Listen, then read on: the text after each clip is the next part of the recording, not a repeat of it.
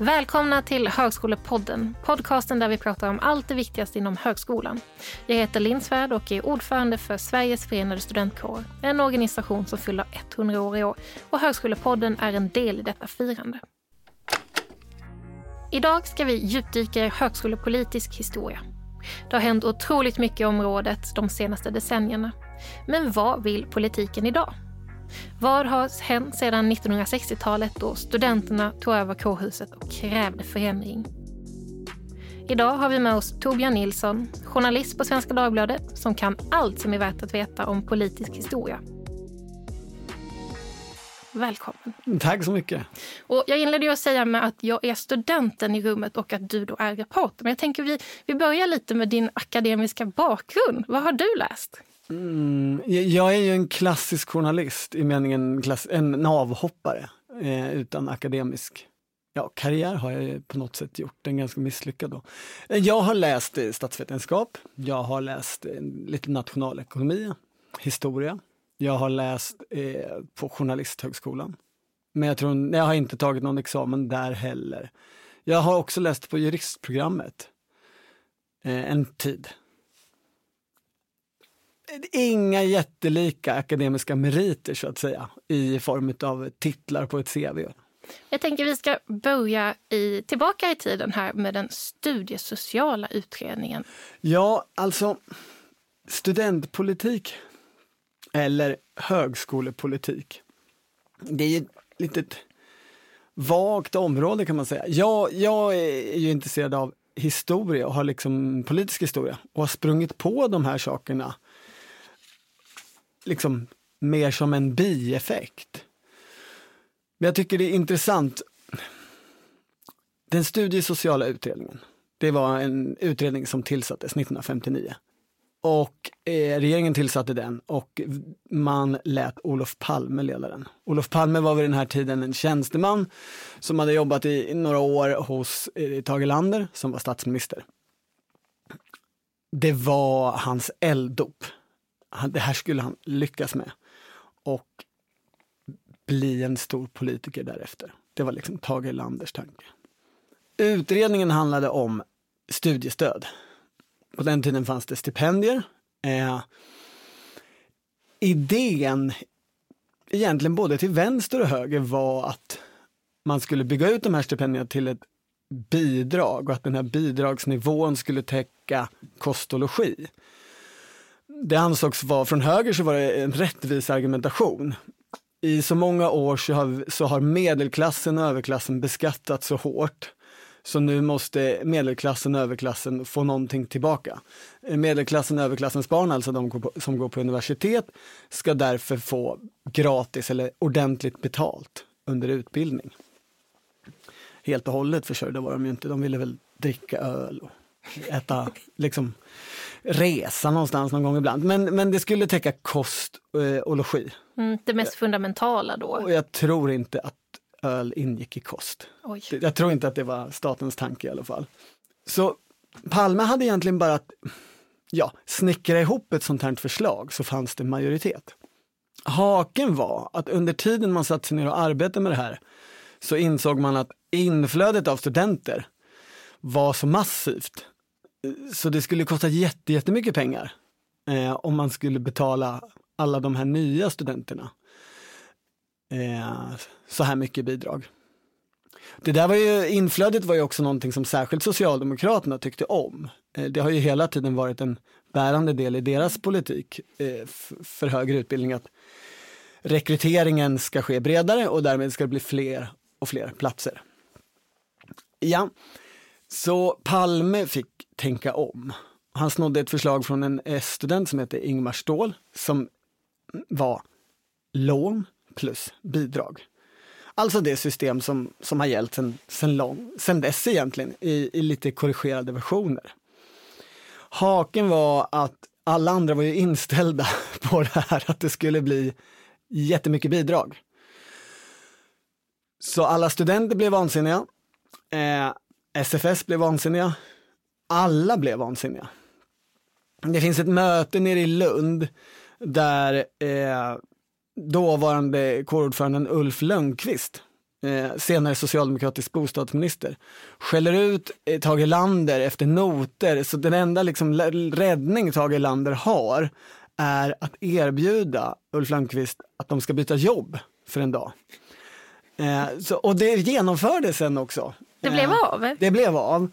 Eh, Lönnqvist fick komma till Harpsund där det var något slags stormöte om universitetspolitik och så fick han leda förhandlingarna istället för Tage Erlander och ro i den här ekan i Harpsund och sådär.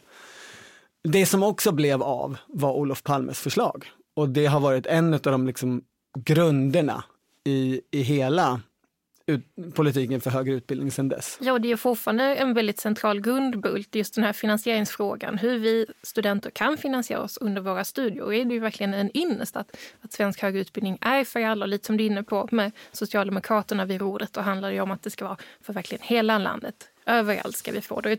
Väldigt spännande också det här med Olof Palme eftersom han hade sin historia i SFS och kom var det 26 år när han blev tag, upptagen av eh, Tage för att att jobba vidare inom politiken. Men det är också en, en väldig skillnad gentemot vad vi gör idag och hur vi gör det. Eh, såklart att vi påverkar politiken och politikerna men framförallt så handlar det om att, att samla alla eh, över blockgränser och liknande. Mm. Men just den här, eh, du sa det kring argumenten från höger och vänster. Upplever du att, att det har funnits med även nu? Att på något sätt försöka få till en lösning som, som båda sidorna kan ställa sig bakom?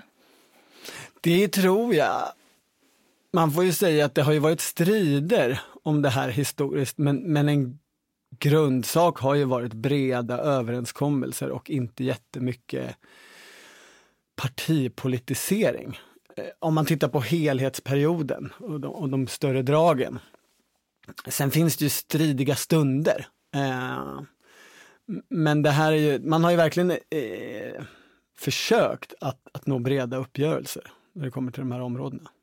Vilket ju också, särskilt idag kanske, är en potentiell brist för de som vill att det ska pratas mer om de här frågorna, som vill att det ska vara en större del av den offentliga debatten. Eh, utan skarp konflikt så blir politik någonting som tuffar på och administreras. Låt oss gå tillbaka då till 1968 och göra vårt första nedslag. 1968 då är det ett gäng upprörda studenter som samlas i kårhuset i Stockholm. Och de hade just samlat för att protestera mot ett lagförslag som heter UKAS. De här akronymen och förkortningarna kommer ju komma igenom hela den här sändningen antagligen. Eh, men varför var det då så att det här lagförslaget rörde upp så starka känslor? Det är lite underhållande för förslaget innebar ju bland annat att man skulle det var en idé om att få mer styrsel och ordning. Man skulle ha treåriga program tänkte man sig och där, där studenter inte skulle kunna välja ämnen lika fritt. Man ville styra upp det mer.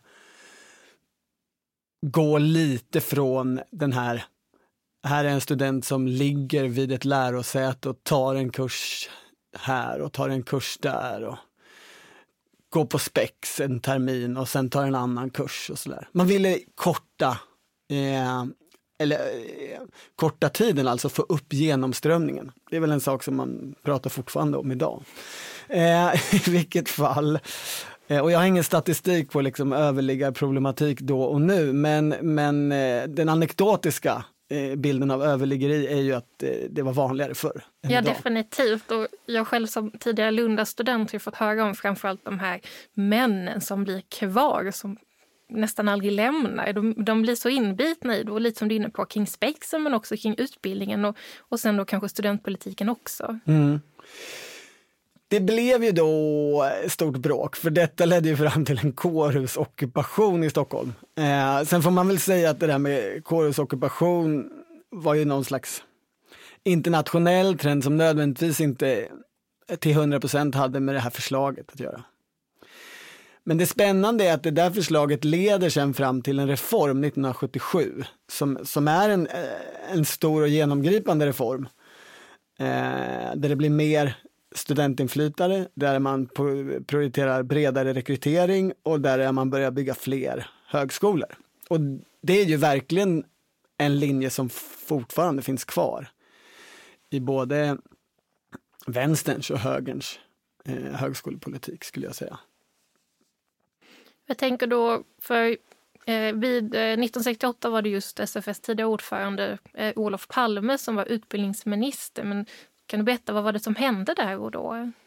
Eh, det som hände där och då var ju att de tog kårhuset i ockupation. Och så skulle de göra genomgripande samhällsförändring. Och när Palme hörde talas om det här så, så stack han direkt dit. Eh, och höll ett tal. Och blev utskälld, men möjligen också respekterad för att han kom dit och höll det där talet. Men jag tycker att skildringen av det här som centralt för vänstern i svensk politik eh, är lite överdriven, eller i alla fall ensidig.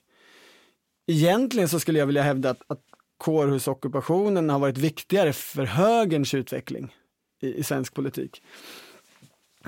För det som också händer där är ju att det startar ett eh, studentparti som heter Opposition 68 som vill avskaffa kårobligatoriet men eh, i övrigt så är deras huvudpoäng att de är emot de här radikala dårarna som, som eh, ockuperar saker. Och tittar man nu skäms på... jag ju lite för att jag själv går i tankarna så här, borde inte vi demonstrera? ja, det får, det, det, jag, jag, jag, har inga åsikter om, om man ska demonstrera eller inte, utan nu försöker jag bara referera den här högergrupperingen. I den så finns Carl Bildt, i den finns Ulf Adelsohn, Peje Emilsson, eh, Anders Wikman. Alltså hela den liberala moderata högern som sen har satt otroligt stark prägel på 80-talet, 90-talet och 00-talets politiska utveckling i Sverige egentligen. Eh, hela den här liberaliseringsvinden, den startar i, som en studentgrej eh, mot de här ockupanterna. Så på det sättet så, man kan ju diskutera själva politiken för högskola. Eh, men när jag studerar politisk historia så eh, tycker jag att det är mer intressant att se hur har den bredare politiken, den större politiken, snarare påverkats av studenthändelser. Eh, och det där är en sån som är eh, verkligen signifikant eller har varit viktig. Ja, jag tänker också, tittar vi utanför Sveriges gränser och fördjupar oss i andra länder, då ser vi också att studenterna ofta är de som är med. De är de som, som startar revolutioner eller är med och driver på det. Den här mer aktivistiska inställningen. Sen kanske vi inte ser det lika mycket idag, men framförallt förr, eh, 50, 60, 70 framåt. Mm. Då har de ju verkligen en, en betydande roll. Ja men och det är spännande, om jag tar där vi var innan då, i, i den liksom första stora historiska händelsen, studiesociala utredningen. När, när den sen blir klar och ska diskuteras, alltså när Palme har, lägger fram det här förslaget som ingen gillar. Eh, det är runt 1963-64 någon gång där. I SFS styrelse då, sitter Lars Tobisson, han är ordförande. Han blev senare moderat partisekreterare och vice ordförande och satt i partiledningen Moderaterna i, från 78 till 98 typ. Där sitter också Birgitta Dahl som blev socialdemokratisk statsråd. Eh, hennes ersättare är Anna-Greta Leijon som blev socialdemokratisk statsråd. Där sitter Carl Tham som blev socialdemokratiskt och folkpartistiskt statsråd. Där sitter Ulf Lönnqvist som blev socialdemokratisk bostadsminister. Och i utkanten av det här i olika utskott i, i, SFS sitter Jan O Karlsson som blev socialdemokratisk statsråd. Där sitter Mats Hellström som blev socialdemokratisk statsråd.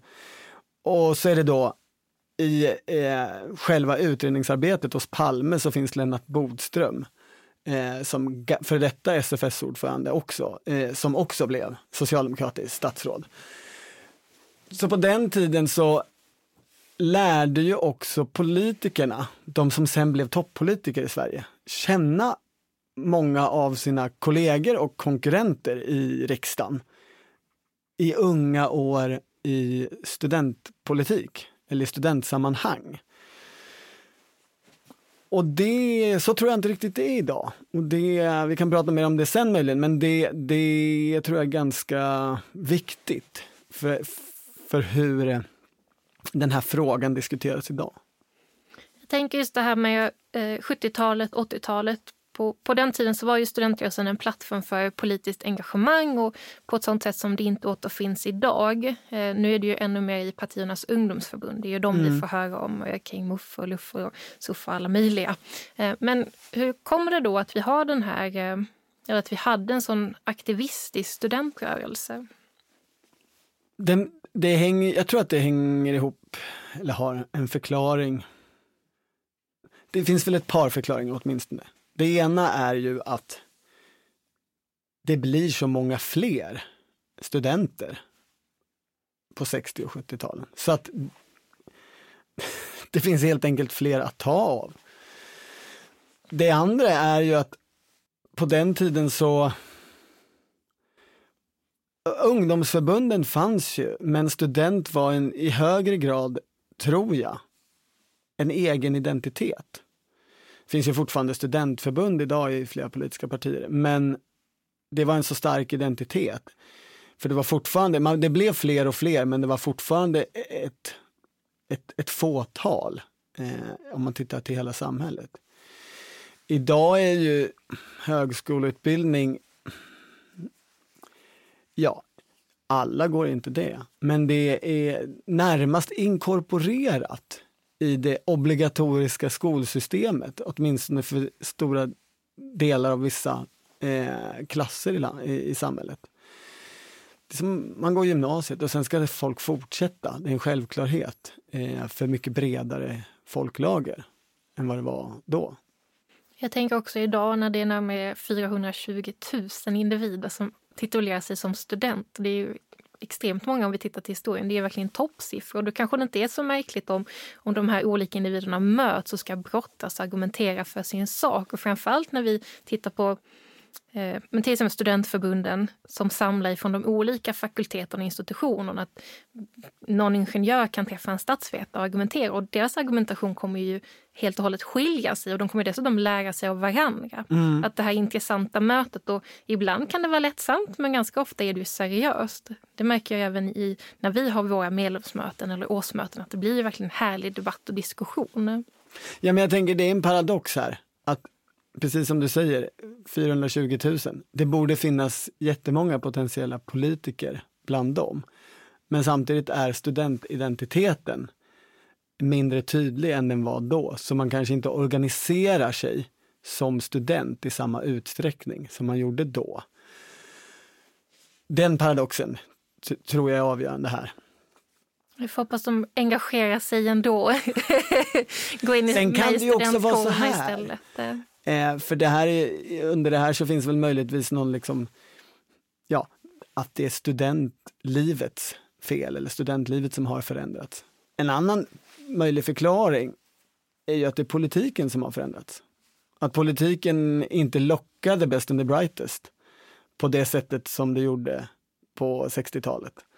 Eller 50-talet för den delen. Alltså att eh, politik inte är tillräckligt intressant för genomsnittlig student idag i Sverige. Eller intressant som alltså att, att bli politiker, att engagera sig i, att se en framtid, en yrkesroll i. Det är spännande Politik tanke, är kanske för tråkigt. Mer, ja, lite vi och dem och kan de faktiskt göra skillnad och är det här frågor som engagerar oss eller mm. lite mer så kallat vanligt jobb, eh, försörja sig och liknande. Jag tänker framförallt när, när utbildningarna allt mer blir nischade mot eh, ett yrke. Mm. Att det kanske också påverkar, lite som du är inne på. Eh, var, var, hittar vi de här studenterna? Vilka är det som blir politiker? Är det så att dagens politiker har någon akademisk bakgrund? Tänker vi? Nej, det, det, jag har inga siffror på det. Men, men det händer ju något spännande. Om vi tar bara Socialdemokratiska partiet och tittar på liksom toppen där Märkvärdigt nog så samtidigt som utbyggnaden av hög, antal högskolor och antal högskoleplatser eh, fortsätter och blir jättestor på 90-talet och så vidare. Samtidigt så är det snarare så att den socialdemokratiska partitoppen avakademiseras i någon mening. Ingvar Carlsson är ju den sista just nu, sista klassiska liksom, akademikerpartiledaren i Socialdemokraterna. det är ju en lång period där från att Tage Erlander blir partiledare 1948 och sen hans två lärjungar då, Palme och Karlsson, som alla är liksom otroligt präglade av universitets och studentliv. Elander och, och Karlsson, båda lundensare synnerligen inne i det, i den världen. För Ingvar Carlsson har själv skrivit att för Tage Erlander, han jobbade ju först då Tage Erlander som tjänsteman, eh, precis som Palme. För Tage Erlander så var ju den viktigaste händelsen på året studentafton i Lund. Det var den man förberedde sig för mest. Eh, det var liksom dagar av uppladdning med underlag och, och grejer. Bara då för att han ska stå på AF i Lund och få tusen olika frågor från eh, studenter. Det var ju liksom ett arrangemang som var upplagt så att statsministern kommer dit, ställ vilka frågor ni vill och han svarar. Eh, jag tänkte att du nästan skulle säga det, att han skulle tala till sitt folk. Just det här med studenterna och identiteten, om han själv ändå på något Ja men enligt Ingvar Carlsson så var ju det att, att komma hem för Tage Erlander. Så för alla de här, och Palme som hade bakgrund i, i SFS, som du sa förut. För alla de här tre så var ju högskolepolitik något självklart och, och viktigt. Det, det fanns i deras kropp Eh, jag ska inte säga att Göran Persson, som kom sen, inte tyckte det var viktigt. Men tittar man, sen följer ju en svit av socialdemokratiska partiledare som inte är typiska akademiker. Avhoppare ungefär som jag. Göran Persson tog väl några socionomiterminer. Eh, Mona Salin, ingen större akademisk karriär. Eh, Håkan Juholt har jag inte jättebra koll på, men jag upplever inte honom som, som, som någon långliggare i alla fall. Eh, och Stefan Löfven också. Några, han hoppade väl av socionomprogrammet efter eh, en, en kortare stund. Så nu när de byter partiledare igen så är det första gången sedan Ingvar Carlsson som de kommer till en eh, och får en utpräglad akademiker. Förutom 1968-rörelsen som vi är inne på så kommer ju en storförening 77. Då byggs eh, högskolan ut. Vi får in ytterligare utbildning inom den så kallade akademiska världen. Och senare kommer vi fram till 93, eh, ytterligare utredningar och förändringar. Och sen 93 så har det varit ganska så vilande på de här stora förändringarna. Det som har hänt är att vi har betydligt fler studenter, fler doktorander, fler eh, professorer. Jämställdhetsfrågorna blir allt starkare. Vi ser att kvinnorna får ta en större plats. Och jag ser ju också idag att vi har ungefär 60-40 när vi tittar på kvinnor och män i eh, grundutbildningen eller avancerad nivå. Men sen blir ju tappet på forskarna. Så förhoppningsvis så kommer vi få till en bättre jämställdhets eh, dimension där. Men vi märker här att det är ungefär 20 år mellan de olika utredningarna och nu nyligen så kom ju styrresursutredningen som lite var väl kanske ett försök att förändra synen på den högre utbildningen. Men, men vad skulle du säga att vi är nu inom högskolepolitiken och kanske var är vi på väg? Kommer det komma ytterligare reformer och förändringar? I grunden så, så ligger ju skiljelinjerna fast i någon mening. Vänstern vill ha fler, breddad rekrytering. Högern vill prata om ökad kvalitet, spets. Frågan är ju om själva området är tillräckligt relevant och viktigt för politikerna. Jag tänker att idag så en stor del av utbildningsdiskussionen idag handlar ju om grund och gymnasieskola. Eh, och den, det som inte handlar om det handlar om matchningsproblematik. Så då hamnar man mycket mer på yrkeshögskolor eller komvux eller olika kompletteringsutbildningar. Eh, utbildningar riktade mm, mer tydligt mot ett yrke. Det är ju där politikernas stora fokus och engagemang finns idag skulle jag säga. Samtidigt så kan inte jag när jag, när jag läser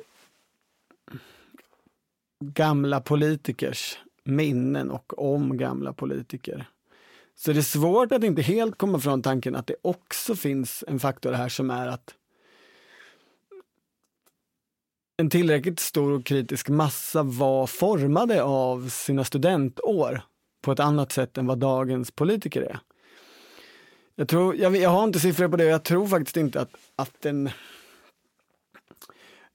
akademiska kompetensen har sjunkit i riksdagen. Men man är inte alls lika präglad av studentpolitik eh, som, som man var på den, på den här tiden.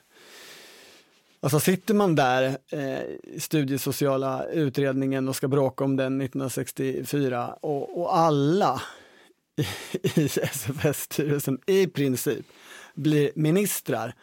De andra som jag inte räknade upp, de blev ju typ TCO-ordförande och någonting annat som var jätteviktigt i, för liksom samhället och politiken. Då, det säger ju något att så många av dem gick till, till politiken och att man var präglad av, av de akademiska frågorna på ett annat sätt än vad politiker är idag. Det, det finns förstås en del. Ibrahim Baylan som lämnade regeringen nu eh, kommer ju från studentkårsverksamhet i Umeå. Eh, finns nog ett par till i regeringen som jag, som jag inte har full koll på. No, det är också intressant. För, nej, det är ingenting de gillar att kommunicera. Det är ingenting som lyfts fram. Nej, det är det ju sällan. Det är um, möjligen då med Magdalena Andersson nu när det har varit mycket personporträtt på henne när hon eh, förväntas bli partiledare alldeles strax. Mm, så lyfts ju ofta hennes bakgrund på Handelshögskolan upp. Och den har absolut präglat henne jättemycket. Eh, eh, det säger hon väl själv. Eller jag fastslår det som fakta, för det är fakta.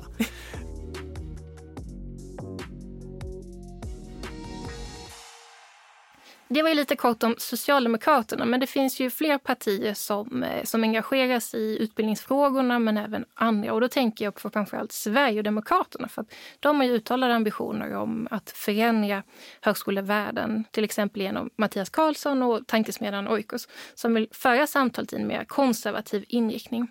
Hur tror du att högskolepolitiken skulle påverkas om de hamnade i regeringsställning nästa val? Jag tror inte att det är en prioriterad fråga för dem under nästa mandatperiod. Men det är vad jag tror. Jag vet inte. Sen har de ju upplever man ett ganska stort motstånd mot sina tankar. Om man pratar om i Moderaterna, eh, i andra borgerliga partier. Men det ska man heller inte vara säker på.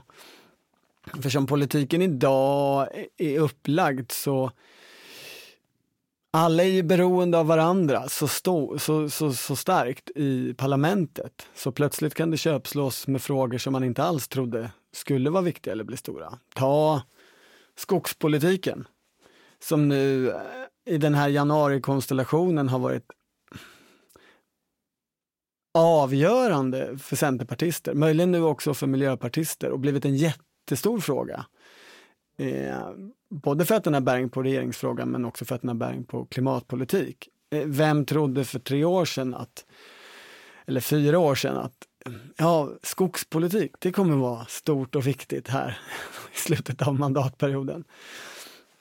Så, så det kan ju svänga snabbt.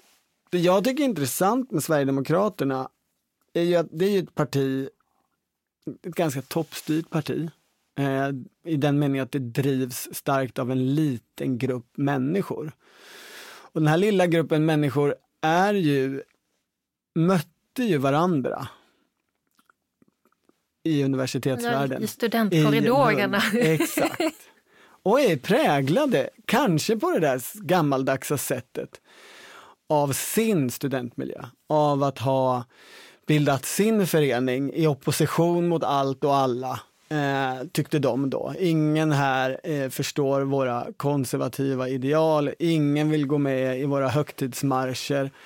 Eh, vi är emot de här radikala, progressiva människorna som vi ser runt omkring oss i AF-borgen och var det nu var. De såg dem överallt, gissar jag, i Lund. Så de har ju faktiskt en sån historia kopplad till, till lärdomssäten och, och universitetsvärlden. Och kanske tycker de att de frågorna är betydelsefulla eh, av just det skälet. Jag funderar också på det här med högskolorna själva och, och, sektorn. För det känns också ganska ofta som att vi inte vill att politiken ska lägga i sig. Eh, vi kan bidra till att eh, på något sätt eh, bedriva utbildning och forskning själva. Vi kan samverka med samhället eller omgivningen. Eh, som att vi ibland inte ens vill att politiken ska in och pilla. Eh, reformerna sker. Och de debatterar vi än idag. Var de bra? Var de dåliga? Vissa delar av dem var ju inte bra. Eh, för till exempel studentinflytande, och tänker jag på när eh, kårobligatoriet faller. Och att det dessutom är tidigare SFSare som är involverade gör ju också att det blir ännu mer konfliktfyllt. Mm. Eh, så ibland skulle jag nog nästan föredra om, om, om högskolepolitiken inte lyfte upp. Och samtidigt så vill vi ju det. Vi ser till exempel att eh, pengen per utbildning den går ner så att vi får mindre resurser. Och, och det känns ju inte som att politiken förstår systemen. Kanske är det så att vi själva behöver utbilda morgondagens politiker och ledare och att vi på det sättet kan få en bättre högskolepolitik. Det är en balansgång att vandra det där, tänker jag. Eh, att vilja ha politikens uppmärksamhet eh, men inte vilja ha in politiker i verksamheten eller som ska styra och peta det är ju inte alldeles enkelt. Det är en utmaning. Ja, och nu slår det mig också, det finns ju fortfarande den här diskussionen om universitetsstyrelserna. Mm. Vem är det som ska tillsätta dem? Det känns som att den, den kommer upp lite, lite då och då. Jag tänker så här om man ska eh, börja avrunda det, att det skulle ju vara svårt idag.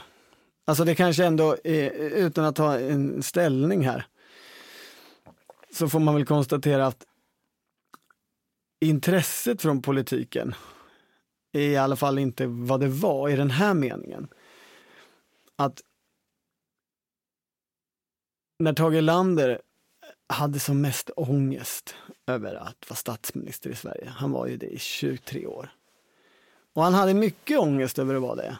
Men när han hade som mest ångest över det, då eh, planerade han sin nästa och alternativa karriär bara hoppa av hela den här statsministerskiten, lämna det till någon annan som är mycket bättre eh, och bli, det här är poängen, universitetskansler.